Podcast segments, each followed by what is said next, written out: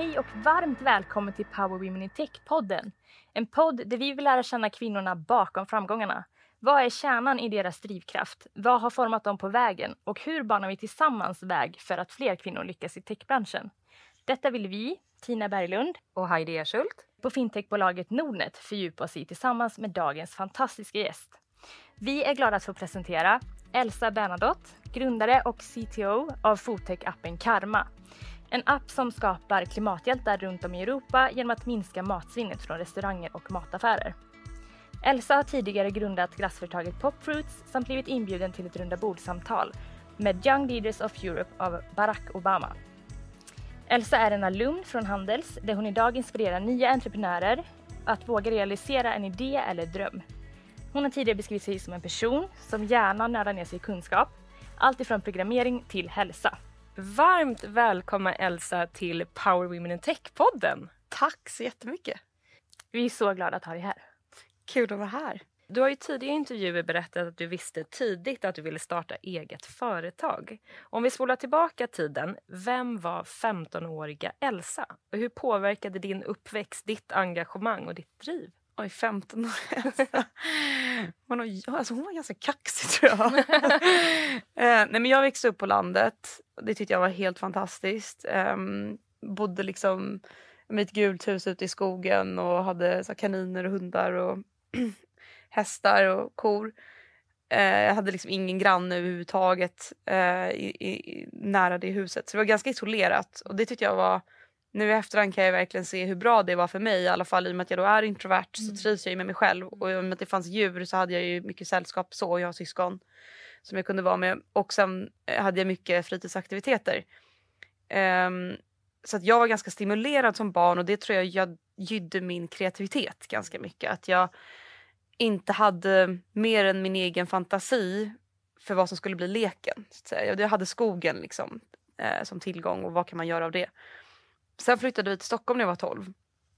Och det var eh, en väldigt bra grej för mig men det blev också en ganska stort trauma. Så när jag var 15 då tror jag att jag hade liksom, jag var nog ganska förvirrad. Eh, och varför jag sa att jag då var kaxig var för att jag liksom kom från landet och hade inte eh, hade ganska starka åsikter mm. och mycket så här moral moralmorsa liksom, så här, vad som är rätt och fel. Och så här, jag tror att jag fortfarande har ganska starka åsikter men jag hoppas att jag har blivit lite mer ödmjuk inför att det finns mycket nyanser. Mm. mm. Saker är väldigt sällan svart och vitt. Det finns väldigt mycket gråzon i det mesta. Tack och gud, tack och gud för det. Liksom. eh, men det fattade inte jag när jag var 15 så jag tror att jag var ganska jobbig Eh, bodde i liksom, inner Stockholm och hade eh, Från skogen in luft. mitt i city. Precis, så när jag var 13 så var jag lite vinklippt eh, för att jag liksom var, fick så mycket skit för att jag var lantis. Och sen eh, var det som att jag förstod hur jag skulle försöka parera det tror jag när jag var 15. Och så, eh, jag vet inte om det var svar på din fråga helt ärligt. Ja, men, jo men absolut. Men sen tänker jag också så här, vad var det som fick dig den här entreprenöriella ådran? När visste du att du ville starta bolag? Ja, jag, jag brukar säga att eh, jag tror att jag alltid har vetat att jag vill bli entreprenör men jag har liksom inte kallat det så. Jag brukade som li- när jag var, växte upp brukade jag säga att jag vill bygga någonting som jag kan bygga, fortsätta bygga vidare på. Eh, som kan göra att jag får en plattform. Mm. Eh, och sen, sen tror jag att jag, och jag brukade säga jag tror inte att jag vet vad det jag vill göra i framtiden heter. Jag har en känsla för vad det är men jag kan inte sätta ord på det. Så det var vad jag visste. Och jag fick jag lite gåshud, förlåt. Men det var så. Uff, vilket citat. ja, nej, men, och det var väl entreprenörskapet jag upplever att jag beskrev. Mm. Men sen brukar jag säga att min, mitt, mitt driv till att bli entreprenör kommer både från lust och nyfikenhet och, och, inspiration men också från en hel del smärta om jag ska vara helt ärlig. Vilket är just de här åren när jag flyttade till Stockholm mm. som jag tyckte var pissjobbiga. Um, helt ärligt. Jag tror de åren är jobbiga för många. Så to klassiska tonår. Ja, men hitta sig själv, hitta ja, sin roll. Exakt. Så det är så här, väldigt klassiskt. Men jag vet att det var något som hände i mig där som jag kände väldigt tydligt. Jag bestämde mig när jag var runt 13, 14, 15 för jag kände mig så otroligt hjälplös och att jag inte hade en röst. Mm. Och att jag märkte att jag, jag, jag har i mig tyvärr ganska mycket ilska från de åren. Mm. Jag tror att det har blivit bättre men jag, jag tror också att det ligger kvar. Eh, där jag kände, jag upplevde, jag observerade mobbing mm. och kände att jag inte kunde påverka. Och när jag försökte påverka så upplevde jag att eh, det riktades kanske lite mot mig eh, också. Och, och hela den tiden vet jag skapade mycket frustration i mig. Att jag kände att här, jag behöver ha en röst som är starkare än min faktiskt fysiska röst. Så att jag kan ha en påverkan på folk som jag ser eller tror behöver hjälp. Och där och då föddes något där jag var så här, jag ska skaffa mig en plattform där jag eh, har resurser och ja, rent krasst typ makt. Mm. Eh, för, för mig är liksom pengar, både frihet men det är också liksom ett maktmedel. Att kunna, det du kan investera i kan du förändra. Eh, men sen också, det är en av anledningarna till att jag känner mig lite bekväm med att liksom fronta mig själv i, för karma. För att det är ju ett sätt att skapa någon form av röst mm. som gör att jag kan absolut. påverka vad jag säger här. Kanske någon lyssnar på som kan inspirera någon. Mm. Um, men även som arbetsgivare, alltså att kunna rekrytera folk som kanske i sin tur lär sig någonting eller inser att de själva kan starta bolag och gå vidare från det. Alltså det 15-åriga Elsa tror jag kände där och då att så här, jag ska göra allt jag kan, göra det bästa jag kan varje dag för att jag ska kunna ha den där plattformen i framtiden.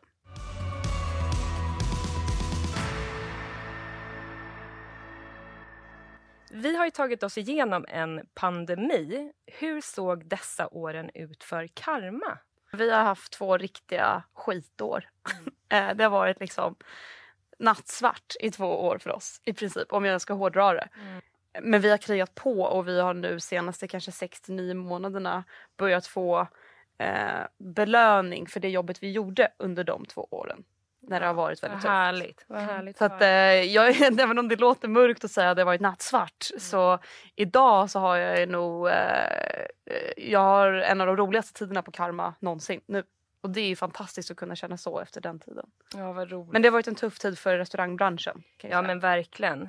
Och hur har du känt personligen under den här perioden? Den här nattsvarta perioden? Nej men det har varit jättetufft. Mm. Och vad jag menar med nattsvart det har ju varit ifrån att restaurangbranschen drabbades väldigt hårt ganska tidigt. Uh, och det var väl i, vi hade ett jättebra första kvartal 2020 och um, sen liksom någon gång i mitten, slutet på mars kanske, april, då tappade vi 60% på tre dagar. Och då kan man ju bara tänka vad det i, i sin tur hade inneburit för restaurangbranschen innan det slog på oss. Liksom. Så att vi blev ju indirekt påverkade av en bransch som blev ännu mer drabbade. Mm.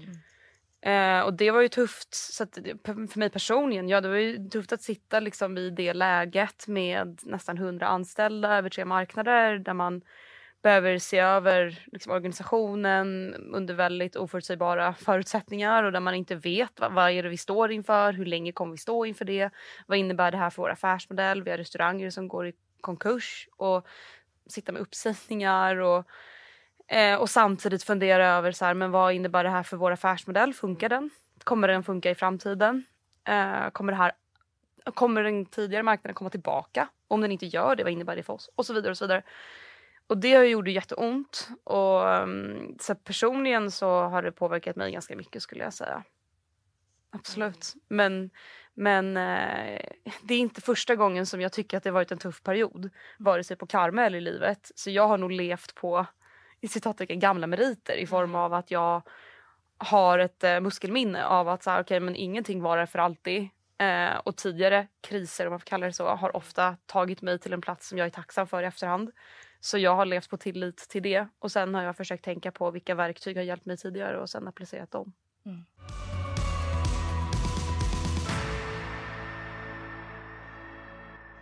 Men nu har vi pratat om 15-åriga Elsa. Eh, skulle du säga att hon har varit med dig under de här två åren som har varit? Jag skulle säga att 15-åriga Elsa har säkert varit med mig under de två åren. Eh, hon är nog alltid med mig i bemärkelsen att eh, jag behöver nog henne för att hela tiden påminna mig om varför jag gör det här. Varför det är värt det. För att eh, jag skulle ljuga om jag sa att jag inte ställer mig den frågan. Är det värt det? Är priset för högt? Orkar jag det här? Hur länge till orkar jag det här? När saker och ting bara är för jobbigt och du inte liksom kanske ser vägen fram. För det gör man inte alltid utan det är ju snarare tilliten om att det kommer, du kommer se vägen fram så småningom. Och då kan jag använda henne för att liksom komma ihåg ja, men varför jag gör det här.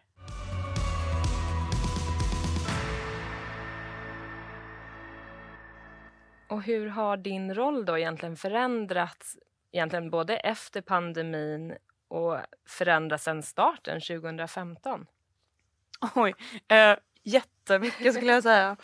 Ehm, jag tror så här, man kan summera det som att jag började inom marknadsföring, sen har jag gjort marknadsföring och sälj, finance, HR och sen internationell expansion och sen nu slutligen någonstans landat i produkt och tech. Mm. Så det är mitt huvudfokus idag. Jag driver produkt och tech på Karma. Och Eh, det passar min person att ha hoppat runt så här. Jag är liksom ingen superspecialist. Jag brukar säga att jag är kanske en specialist för att vara generalist. Mm. Och jag trivs i det, att det finns en energi att få hoppa in i något nytt och lära sig. eh, det är väldigt utmanande men också väldigt kul. Men samtidigt så känner jag nu att jag vill nog vara kvar inom produkt och tech ett tag. Jag har ingen längtan att byta roll igen utan Nej. jag upplever att sidor hos mig Eh, och mina styrkor kommer väldigt mycket till sin rätta inom produkt och tech trots att jag inte är ingenjör i grunden. Jag tänker också att det är fint som grundare att du har varit med och liksom jobbat på olika nivåer inom bolaget. Ja, men alltså ett, ett rent konkret exempel var för, för två veckor sedan. Då var jag säljare. Eh, jag är alltid säljare, jag tycker som grundare är jag alltid säljare. Mm. Men då var det ett läge där vi så här, nu behöver alla ut och sälja och då gick jag bokstavligen, vi skulle sälja en ny funktion nämligen. Och då gick jag liksom, bara, nu tar jag med mig min dator och eh, gick längs några gator och bara gick in på några restauranger och stod och pitchade. Mm. Eh, för att det behövdes där och då, för att ibland behövs det det är lättare ibland som grundare att komma och sälja in en grej än vad det är att komma som en, en, en person från säljorganisationen. Vi har inte vuxit ur en fas där jag som grundare kan bli för fast i en position eller för fin för en funktion eller en, en, en uppgift. Mm. Behövs det köpas frukt, då köper jag frukt. Mm. Mm. Och, och, sen kan jag sitta med liksom strategi och lite mer fina saker eller vad man kallar det. också. också. Ja. Eh, att sitta så här mitt emot dig, du får ju, man får ett väldigt så ödmjukt och du har ett härligt intryck. Liksom, men du gör ett härligt intryck. Mm. Eh, så jag är så nyfiken på när du pratar om produkt och tech, att dina, e, några av dina bästa egenskaper liksom, kommer till liv. Vilka egenskaper är det? Ja, gud vad roligt. Om, om teamet skulle lyssna nu skulle de bara, ja vilka, vilka sidor syftar hon egentligen på här? um, ja, vet du vad, det, det, är en väldigt bra fråga. Um, jag tror, jag tror kanske jag ska justera det, det, min kommentar till att det kanske handlar lika mycket om vad jag själv tycker är kul. Mm. Vad jag får energi av. Och vad jag syftar på personligen är att här, jag är väldigt road och brinner mycket för produktupplevelsen och kundupplevelsen. Eh, och våran produkt är ju det som kunden hela tiden möts av. Um, I kombination med typ psykologi. Så jag är, nog, jag är, jag är ju mer kanske produkt än tech. Mm. Men jag är väldigt nyfiken på programmering. Jag håller på att lära mig programmering vid sidan av och det har jag nämnt tidigare. Eh, gått olika bra olika år och nu är jag väldigt mycket inne i bubblan och tycker det är väldigt roligt. Och det här pratade vi om tidigare också. Var det frontenutveckling som du... Ja, och jag är fortfarande på det. Nu tycker min citattecken coach som jag har gjort honom till. Han tycker jag ska börja kika lite på backend mest för att det kommer vara ett bra sätt för mig att få bättre förståelse. Ja absolut och fullstack är väl det bästa att du kan antingen att du är lite nischad mot något håll men då ja. kan du ju från eh, botten upp till fronten och det man faktiskt fysiskt ser och upplever i, i appen. Precis men jag, nej men så att jag eh, och sen är jag ganska introvert. Och det, eh, jag, tror att det, jag tror att det är en klyscha att liksom utvecklare nödvändigtvis är introverta. Eh, men, eh, men jag upplever ändå att det finns ett drag om man får grovt generalisera. Att om man, om man jobbar eh, som tekniker eller utvecklare så, så är man kanske inte den, är man kanske inte alltid superextrovert. Eh, så jag upplever att de energier som är i produkt och techteam går väldigt bra i linje med vad jag har för energi. Mm. mm eh, supersocialt kompetenta många gånger. Så det är inte det, utan det är mer det här man har ja, en, en stark introvert sida. Mm. Eh, så jag känner mig väldigt lugn i de teamen. Mm. Och det är så intressant att, att du tar upp det här just om introvert. Jag träffade en, en kandidat i ett rekryteringssyfte eh, idag eh, som också nämnde att han var väldigt introvert och eh, visade sig i intervjun som att han var ganska extrovert som mm. person. Eh, men då pratade vi mer om, för då sa jag att jag är precis likadan, jag är också introvert. Men det är väldigt få människor som tror att jag är introvert. Men det handlar ju mer om så här, vad laddar du dina batterier? Mm. Och det gör ju jag hemma i en lugn miljö. Det gör ju inte jag egentligen. Jag får ju jättemycket energi av att träffa kollegor, men det tar också energi. Exakt. Så det är, det är intressant där med extroverta personer och introverta personer. Mm. Och sen tror jag också att eh, en av anledningarna till att jag trivs så bra i den rollen är för att det är den delen jag har gjort minst. Mm. Jag har ingen eh, jag är inte ingenjör i grunden, jag har inte kodat sedan jag var tio år.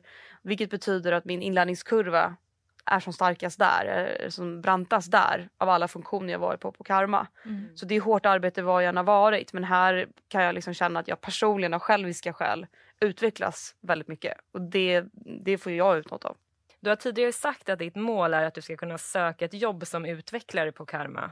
Hur känns det att på ett sätt vara i ombytta roller genom att ha en mentor på Karma som lär dig tekniken? Alltså jag tycker att det är jättekul. Eh, Sen, jag vet inte hur kul han tycker att det är stackarn. Han vågar kanske inte säga något annat. Man sitta och lyssna på den här podden? Ja exakt. Nej men vi, eh, vi hade faktiskt en, en liten check-in igår. Eh, Vi hade lunch, körde en eh, mentorslunch och eh, pratade lite och ehm, jag hoppas att det snarare kanske gynnar mig i min roll på Karma. Jag försöker ofta uppmuntra folk på Karma att se det som att vi är alla ledare. Sen har vi olika ledarskapsansvar formellt men att det är ju tack vare och med hjälp av dem jag jobbar med som jag kan bli en bättre ledare. Det är hur de bemöter mig, utmanar mig, feedbackar till mig. Jag kan göra, jag ska och kan göra en stor del av jobbet själv genom att försöka så här, ja det där samtalet gick jättebra, varför gick det bra? Gjorde jag någonting bra i det eller det där gick åt helvete? Var det för att jag flippade ett bord? Ja, jag kanske inte ska göra det nästa gång. Men det hjälper ju mig när folk kommer och säger till mig så här, du bara, jag vet inte om du är medveten om men när du gör det där, x, y, z. Och för mig är det ledarskap. Mm. Så att, att jag kan visa på att alltså min roll som ledare är inte att kunna allt. då, då, ja, då är karma kört liksom. Ja, och det, det är väl därför tänker jag att man har medarbetare Precis. och att man har de här specialisterna omkring sig.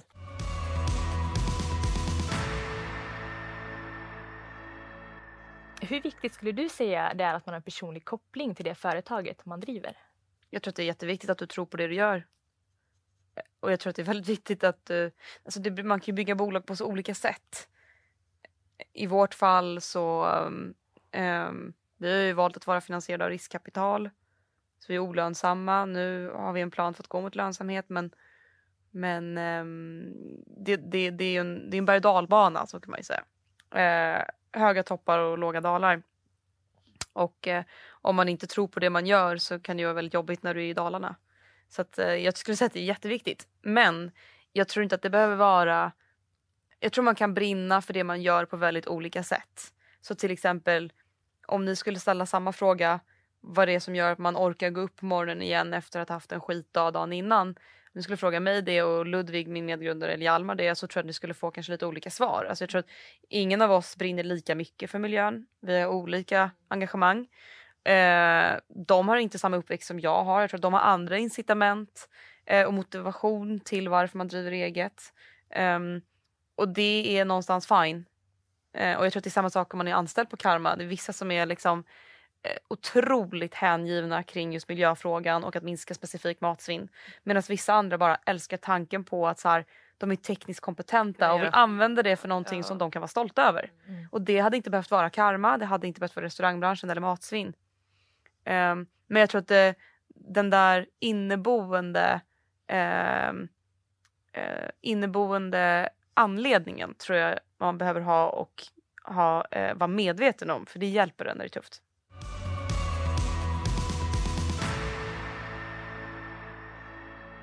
Hur skulle du säga att man vänder negativa upplevelser till bränsle? Som du har nämnt tidigare, att du tar med dig det du varit med om. Liksom. Jag tror jättemycket på fokus. Så här, här och nu, här och nu. Vad är fokus idag?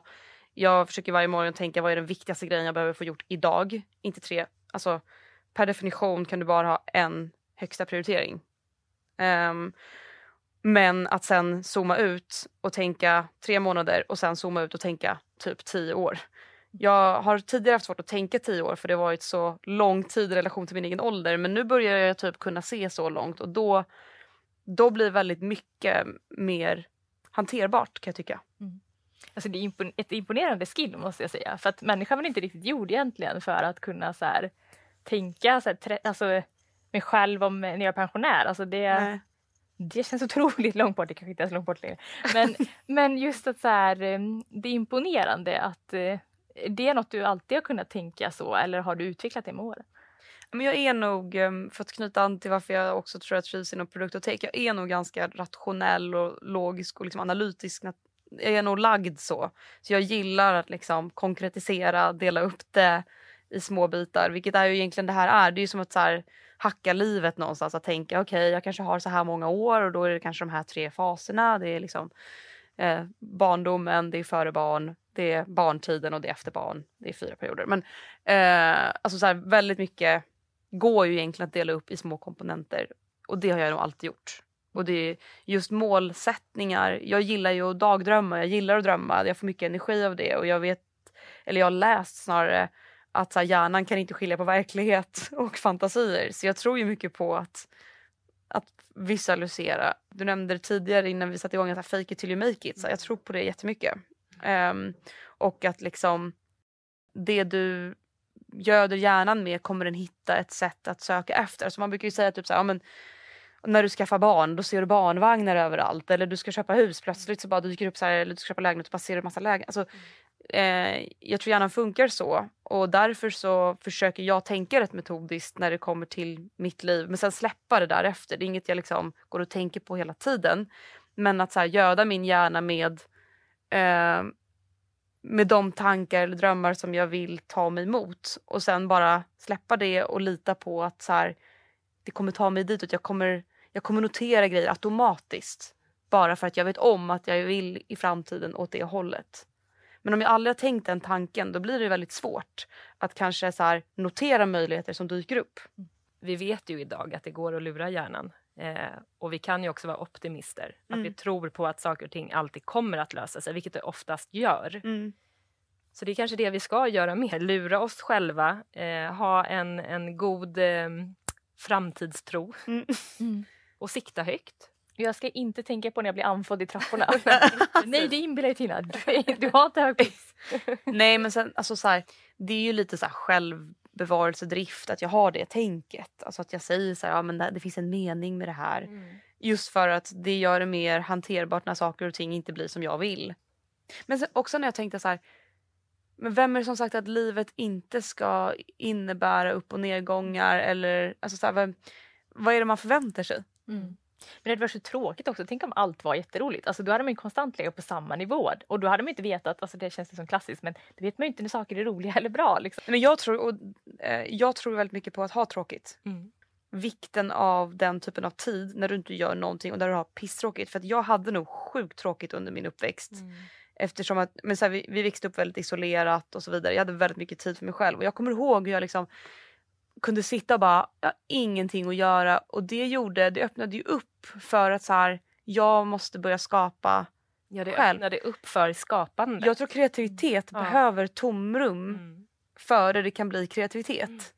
Mm. Eh, och det märker jag ju liksom, till exempel eh, med våra produktdesigner, liksom, eh, eller en produktdesigner som jag jobbade med förut, så här, om han sattes liksom på ett, ske, ett rullande schema där det var så här, möte, möte, nu måste du göra den här, du har en timme för att leverera det här.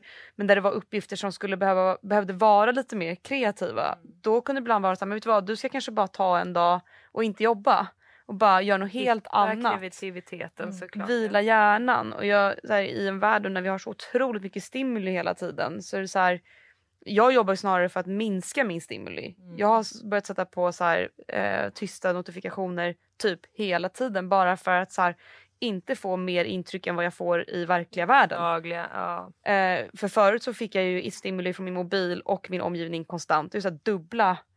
Eh, och det, jag kunde känna hur min hjärna blev liksom hjärntrött av det. Mm.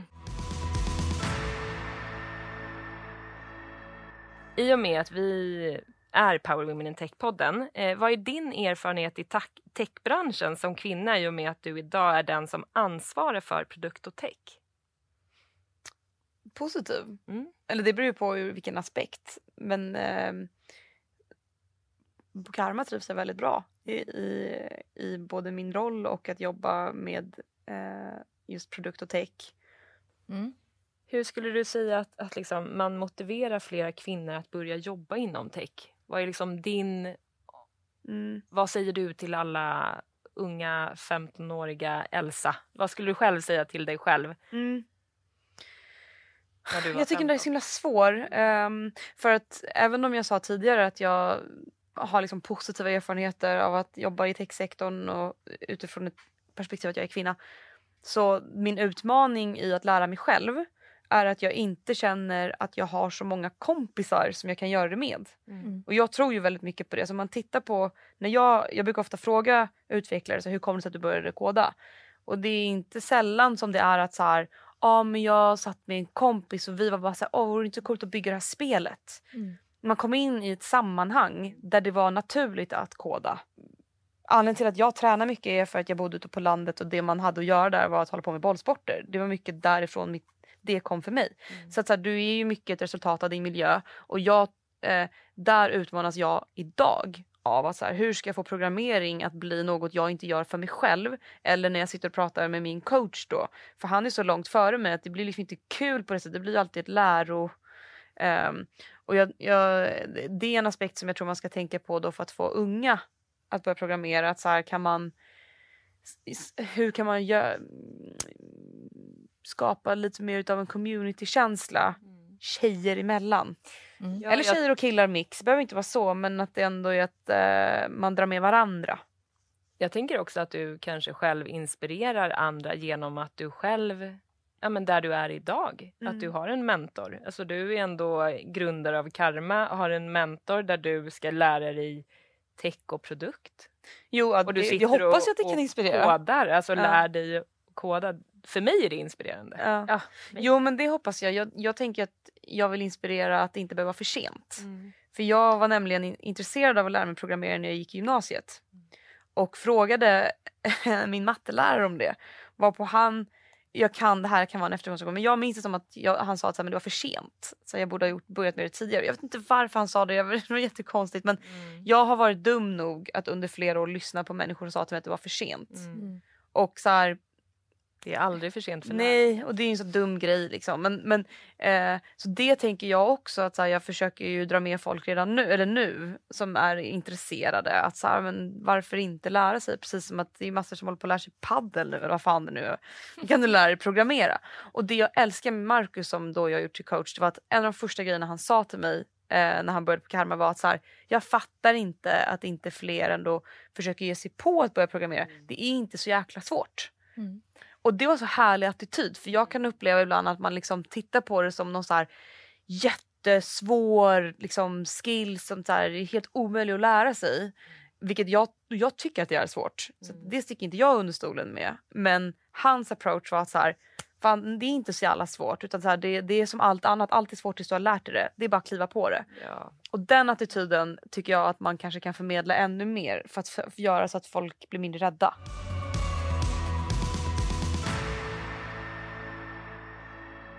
Karma ligger i framkant i klimatfrågan och var tidigare med att lösa ett problem som påverkar vårt avtryck på jorden. Om vi riktar blicken mot techbranschen och om du säger om framtiden, vad tror du vi kan vänta oss då? Jag tror slash hoppas att vi kommer få se mycket tjänster eller utveckling generellt inom psykisk ohälsa. Inte bara för att det är ett så pass stort problem, det är ett växande problem, men också lite det här som vi var inne på tidigare med att vi är så otroligt eh, exponerade för så mycket stimuli. Mm. Och vi är liksom inte gjorda för det. Vi är inte anpassade för det. Eh, så jag tror att så här, behovet av motsatsen, man ska säga. Eh, både för att förebygga psykisk ohälsa men att sen hantera det. Eh, det kommer öka och jag tror att det, det, kommer bli en marknad som, det kommer bli en fortsatt ökad, eh, fortsatt större marknad för det området. Jag hoppas att det kommer. Ja, det hoppas verkligen jag också. Elsa, nu ska vi börja runda av med dig. Eh, den här timmen har gått alldeles för snabbt. Vi har haft för roligt helt enkelt. Men innan dess så ska vi ta sn- fyra snabba med dig. Vilken är den första appen som du öppnar på morgonen? Och då får du inte säga karma. Det hade ju varit ohälsosamt om det var karma, herregud. Vad har vi för något? Eh, Det är faktiskt inte karma. Nej. Men eh, nej, det är... ehm, nu på sistone är det en app jag inte har använt jättelänge men som jag faktiskt har blivit ganska kär i på sistone. Som heter Stoic. Mm. Som är en... Eh, jag älskar stoicismen. Mm. Så, och den, den är väldigt basic. Men jag, jag märker att den, den är bra för mig. Eh, för jag har då... Eh, jag försöker att väldigt aktivt gå från att ha eh, tystnade notifikationer till att nu kopplar jag på min dag. Mm. Och då så innan jag gör det så har, använder jag Stoic-appen då som är liksom att man får sätta man både sätter intentionen för dagen lite, man får sätta eh, den här toppfokus för dagen, vad är ditt liksom, main priority idag? Och sen så eh, är det ett eh, stoiskt citat och sen så är det, kan man avsluta det antingen med någon form av så här jättekort meditation, kort andning. Alltså vi snackar någon minut. Det är liksom inte, det är inte ens 15 minuter. Det är liksom två till fem minuter. Vilket bra tips. Mm. Det funkar rätt bra eftersom att den här lilla processen, eller proceduren, det tar typ fem minuter. Mm. Och det, det kan jag ofta få till. Går in på 15, då kan det liksom eh, bli svårt. Sen kan det bli 15 minuter, men, men det är det. Så då kan man välja själv hur mycket tid man lägger i den appen. Ja, exakt. Hur, mycket, hur mycket skärmtid har du per dag? Alltså, jättemycket. Alltså hur mycket som helst. Och man du räknar... ett spann? Du behöver inte säga prick om det liksom. Men, eh, eh, jag tror spannet är ohälsosamt mycket. eh, absolut. Eh, så eh, ja, det är väldigt det är väldigt sällan jag är länge, eller så här innan jag skaffade hund så var det sällsynt att jag var mer än en meter från min mobil. Den var liksom med mig, den jag har den i Den har handen. räddat dig lite.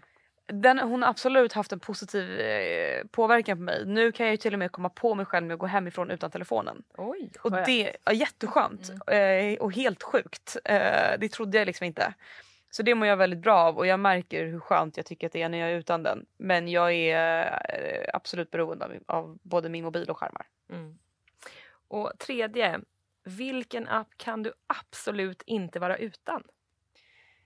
Där får jag nog dela upp det i två. Jobbmässigt är det nog Slack, tyvärr. Mm. Och eh, privat eh, så skulle jag faktiskt säga Spotify. Mm. Alltså jag om. som introvert då här, så, här, så musik för mig är liksom då jag går in i min bubbla. Ja, exakt. Älskar musik Mm. och att få vara i min bubbla. Sista, en app du vill tipsa om? Ja, men det skulle ju vara Stoic då. Mm. Eftersom jag redan har nämnt den. Så jag har jag någon annan som jag tycker är ett lifehack. Nej men vi kör Stoic. Eh, för att eh, då kanske folk som inte känner till stoicismen hittar det. Mm, ja, men superbra. Du ska också få nämna en powerkvinna i techbranschen som du inspireras av och som du vill hylla. Helene Barnekow. Ja, henne har vi träffat. Ni det? var- ja, Hon är ju inte kvar på Microsoft Nej, längre. precis. men eh, eh, jag, vi har en, eh, ett koncept på Karma där vi bjuder in folk på så fireside chat. Mm. Ehm, för teamet liksom som ett sätt för att motivera och inspirera teamet. Och hon var hos oss då eh, strax innan pandemin och eh, hon pratade just, eh, dels tyckte jag bara att hon var väldigt bra. Hon sa mycket liksom, kloka och, och inspirerande saker. Eh, men hon var, var en grej som hon tog upp specifikt som jag, jag uppskattade men jag tror att många i teamet också tog med sig. Det var ju liksom att hon lyfte just det här med eh, den introverta ledaren. Mm. Eh, och att liksom vikten av att kunna identifiera den typen av profil och den, ett, ett annat typ av ledarskap. Eh, som kanske inte kommer fram lika mycket om man inte är medveten om, om eh, att vi liksom kanske har en bild av att en ledare ska vara extrovert, framförallt i västvärlden. Mm. Och det pratar de ju mycket om i den här boken Quiet av Susan Cain som jag älskar. Ehm, liksom hur, ehm, hur, hur det eh, har blivit lite, framförallt i västvärlden då, liksom en, någon form av, eh, eh, vet inte, en trend av att liksom den framgångsrika ledaren ska vara så himla showig Mm. och extrovert, inte extrovert men väldigt showig, tar mycket plats och, och eh, väldigt underhållande. Mm. Och eh, att det kan finnas liksom en, en, ett värde i en person som kanske är snarare tillbakadragen och som säger färre saker och lyfter fram andra precis och snarare liksom leder genom andra.